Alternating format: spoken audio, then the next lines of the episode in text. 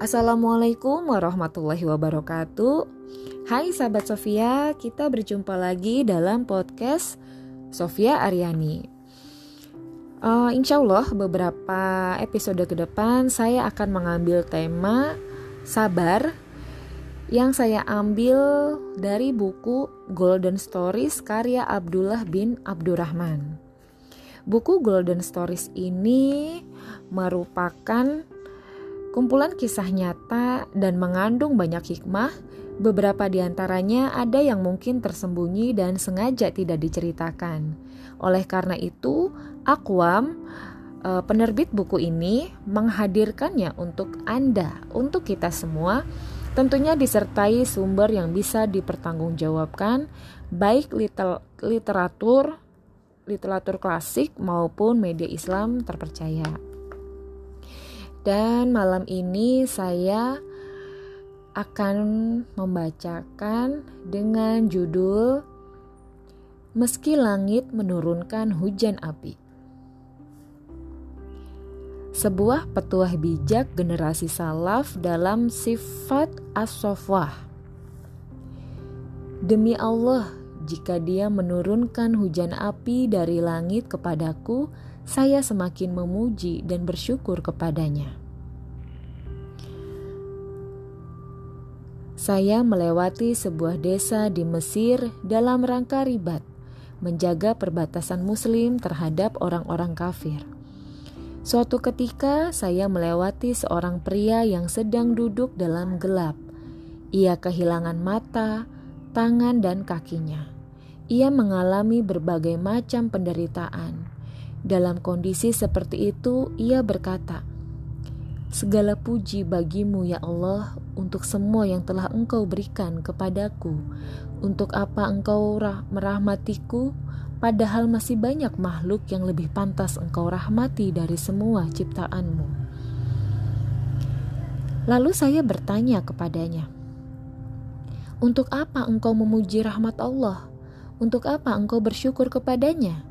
Demi Allah, aku melihat berbagai penderitaan ada pada engkau Lalu ia berkata, "Apakah kamu tidak apakah kamu tidak melihat apa yang telah terjadi padaku? Demi Allah, jika Dia menurunkan hujan dan diriku ini harus terbakar karena itu, jika Dia memerintahkan gunung-gunung untuk menghancurkanku dan lautan untuk menenggelamkanku, aku justru semakin memuji dan bersyukur kepadanya." Bolehkah aku meminta, bolehkah aku ingin meminta sesuatu kepadamu? Saya memiliki seorang putri yang biasa melayani dan berbuka puasa denganku. Apakah engkau bisa menemukannya untukku? Untukku?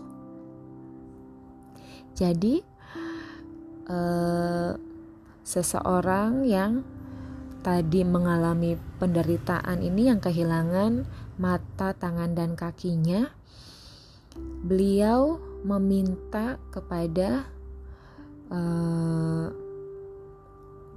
orang yang menemuinya tadi meminta untuk menemukan putrinya. Yang putrinya ini biasa melayani dirinya untuk berbuka puasa. Lantas, orang yang menemui uh, bapak yang menderita tadi berkata, Demi Allah, saya berharap dengan memenuhi permintaan hamba soleh ini, diriku bisa semakin dekat kepada Allah yang Maha Raja dan Maha Agung.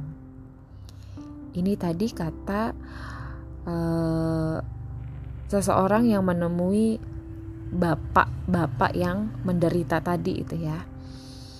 Lalu saya pergi mencarinya ke padang gurun. Ternyata ia telah dimakan oleh binatang buas aku, berkepa, aku berkata kepada diriku sendiri, Innalillahi wa inna ilahi roji'un. Bagaimana caranya memberitahu hamba soleh itu bahwa anak perempuannya telah meninggal? Lalu aku pun memberanikan diri kepadanya dan bertanya, Apakah dalam pandangan Allah engkau lebih baik dari Nabi Ayub? Allah memberikan cobaan berat kepada Nabi Ayub dengan kekayaan anak dan keluarganya. Lantas, orang soleh tersebut menjawab, "Tidak, Nabi Ayub lebih baik dariku." Lantas, aku pun mengabarinya, "Putri yang engkau minta untuk aku mencarinya ternyata telah dimakan oleh binatang buas." Lantas, bapak yang soleh tadi itu berkata, Segala puji bagi Allah yang telah mengeluarkanku dari dunia ini tanpa meninggalkan kecintaan kepada dunia. Kemudian ia pingsan, lalu meninggal. Lantas aku berteriak, Innalillahi wa inna ilahi roji'un. Siapa yang akan membantuku memandikan dan menguburkannya? Tiba-tiba sekelompok penunda, penunggang kuda yang sedang ribat lewat Lalu saya memberi isyarat bagi mereka untuk berhenti. Mereka datang dan saya pun memberitahu mereka tentang apa yang terjadi. Kemudian kami memandikan tubuh laki-laki tersebut, mengafani dan menguburkannya di desa ini. Setelah itu sekelompok penunggang kuda tersebut pergi melanjutkan tugas mereka. Aku menghabiskan malam di desa tersebut, tidak dapat meninggalkan orang ini. Ketika sepertiga malam berlalu, saya mulai bermimpi bahwa aku bersama dirinya berada di sebuah taman hijau. Dia mengenakan dua pakaian hijau yang sangat indah. Dia berdiri sembari membaca Al-Quran. Saya berkata kepadanya, "Bukankah kau ini temanku yang kemarin?" Lantas, orang soleh itu berkata, "Ya, ini aku. Saya berkata, Bagaimana bisa engkau tampak sehat? Engkau tampak sehat dan bahagia seperti sekarang.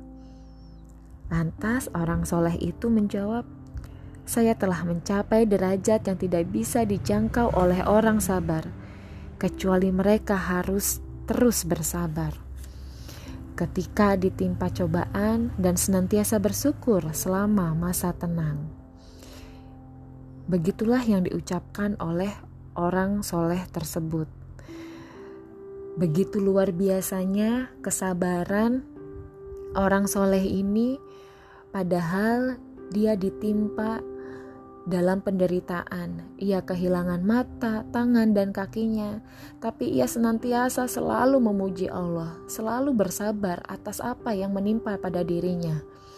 Bahkan dia pun berkata, "Andai Allah menurunkan hujan api dan itu membakar dirinya, ia akan selalu terus memuji Allah."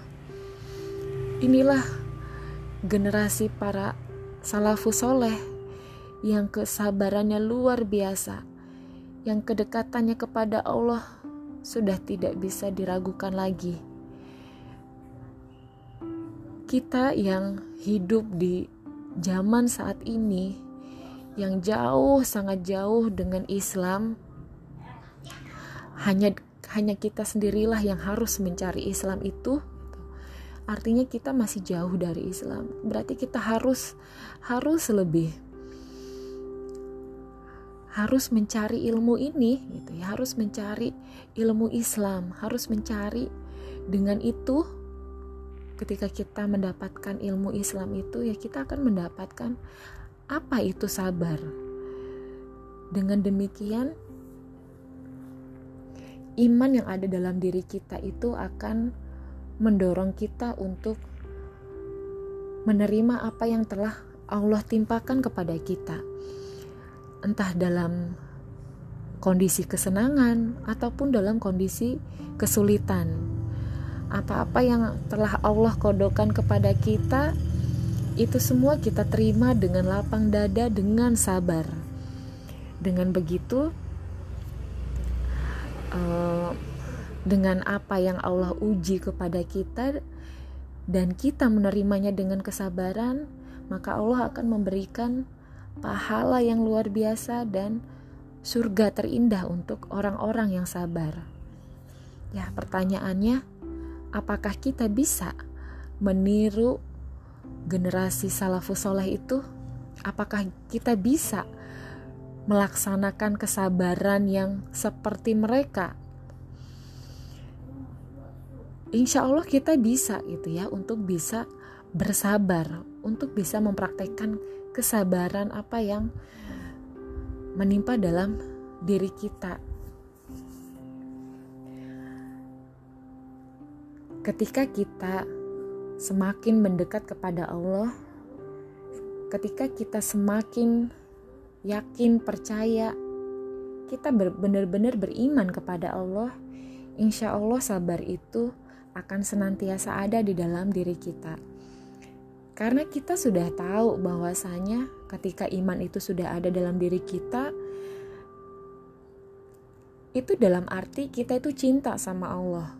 Dan ketika cinta itu sudah hadir, cinta kepada Allah, maka kita akan dengan rela, kita akan dengan ikhlas, kita akan dengan sabar menerima apa yang terjadi pada diri kita bahwasanya kita yakin apa yang menimpa dalam diri kita itu adalah semata-mata ini adalah kasih sayang Allah. Semata-mata meskipun itu adalah ujian, pasti yang namanya manusia manusia hidup itu pasti akan diuji dan ini adalah bentuk kasih sayang Allah kepada kita. Lagi-lagi ujian itu adalah uh, media kita caranya Allah gitu ya untuk merontokkan dosa-dosa yang ada dalam diri kita. Ya, semoga saja kisah yang kita dengar tadi bisa memberikan manfaat untuk kita semua, untuk uh, kepada para pendengar, juga kepada saya untuk bisa terus bersabar bahwasanya Allah akan memberikan surga yang indah kepada orang-orang yang sabar. Karena dunia ini adalah tempat persinggahan bagi orang-orang mukmin. Dunia ini adalah tempat yang fana. Maka bersabarlah, bersabarlah ketika kita ketika kita masih hidup di dunia ini. Karena kampung kampung kita adalah akhirat. Karena kita akan kembali ke kampung kita yaitu sebaik-baiknya kampung, sebaik-baik tempat tinggal kita adalah akhirat kelak. Ya, semoga saja Allah memperkenankan kita semua kepada sahabat semua agar memasukkan kita ke dalam surga firdausnya. Amin, amin ya robbal alamin. Ya, sekian dulu episode kali ini. Semoga bermanfaat untuk para sahabat dan selamat malam. Wassalamualaikum warahmatullahi wabarakatuh.